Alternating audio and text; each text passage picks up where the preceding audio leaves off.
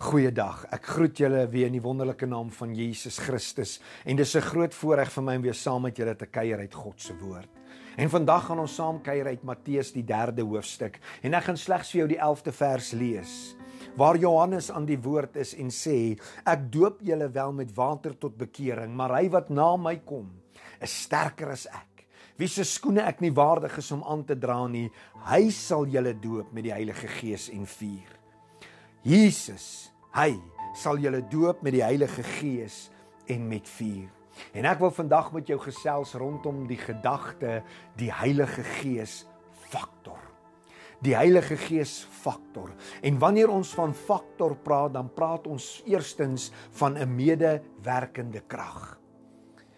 En as ons praat van medewerkende krag, dan moet daar mos 'n medewerker wees, stem jy saam? Medewerker is 'n persoon.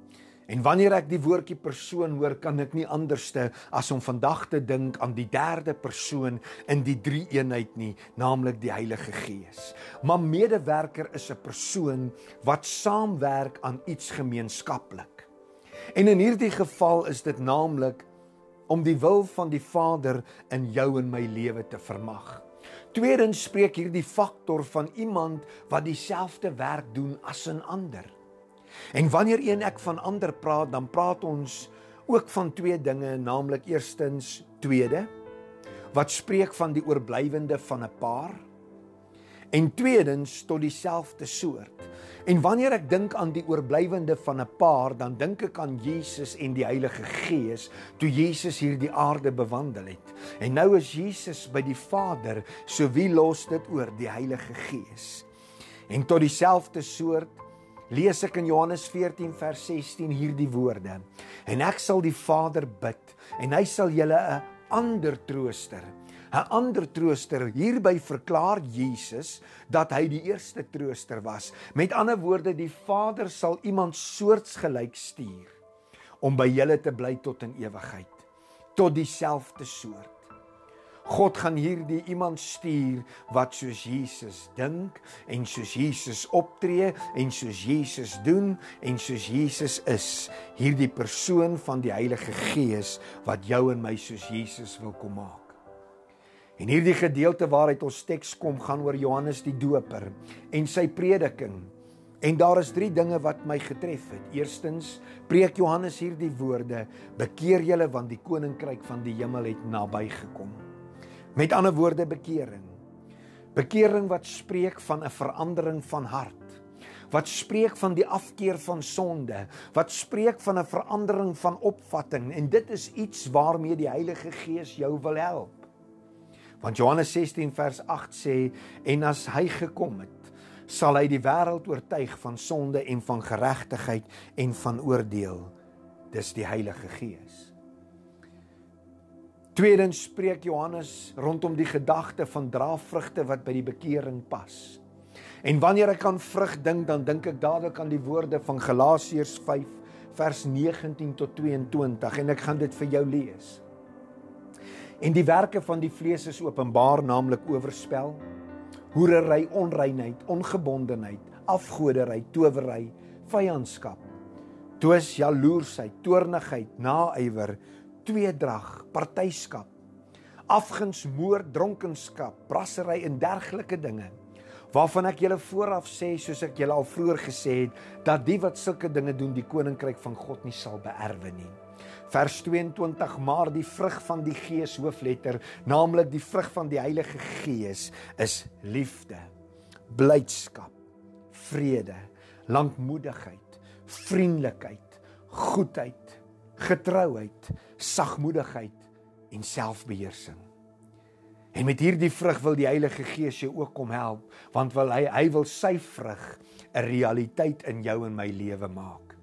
En derdens sê Johannes, julle moet gedoop word met die Heilige Gees in vuur. Kan dit wees dat Johannes vir jou en vir my wil kom leer dat vir bekering en die lewenswyse wat daarbey pas, het jy die Heilige Gees faktor in jou lewe nodig? Wat dink jy? Kan jy sien deur dit wat ons sopas gehoor het, wat is dat die Heilige Gees 'n noodsaaklikheid in jou en my lewe moet wees? Het Jesus jou al met sy Heilige Gees en vuur gedoop, soos ons teksgedeelte leer? Het jy al die krag ontvang van die Heilige Gees waarvan Handelinge 1 vers 5 en 8 praat? waar die woord ons leer want Johannes het wel met water gedoop maar julle sal met die Heilige Gees gedoop word nie lank na hierdie dae nie en julle sal krag ontvang wanneer hierdie Heilige Gees oor julle kom en julle sal my getuies wees En Jesus het hierdie Heilige Gees vir jou en vir my beloof toe hy verklaar het hy gaan weg. Het hy gesê ek sal julle nie as wese agterlaat nie, want ek sal my Vader bid en hy sal vir julle hierdie ander trooster stuur. En hoor hierdie woorde van Handelinge 1 vers 4. En toe hy nog met hulle saam was, het hy hulle bevel gegee om nie van Jerusalem weg te gaan nie, maar om te wag op hierdie belofte van die Vader wat julle het hy gesê van my gehoor het. Jy sien jy kan wel gelowig wees, maar nog nie werklik die krag en die salwing en die voordeel van die Heilige Gees ken nie. En die vraag wat ek vandag vir jou wil vra en vir myself is die volgende: Is daar kragteloosheid in jou lewe? Is daar onvermoë om te bid? Is daar dalk skaamheid en traagheid om oor die dinge van die Here te praat of om Jesus met iemand te deel. Dan wil ek vir jou sê, skep dan moed.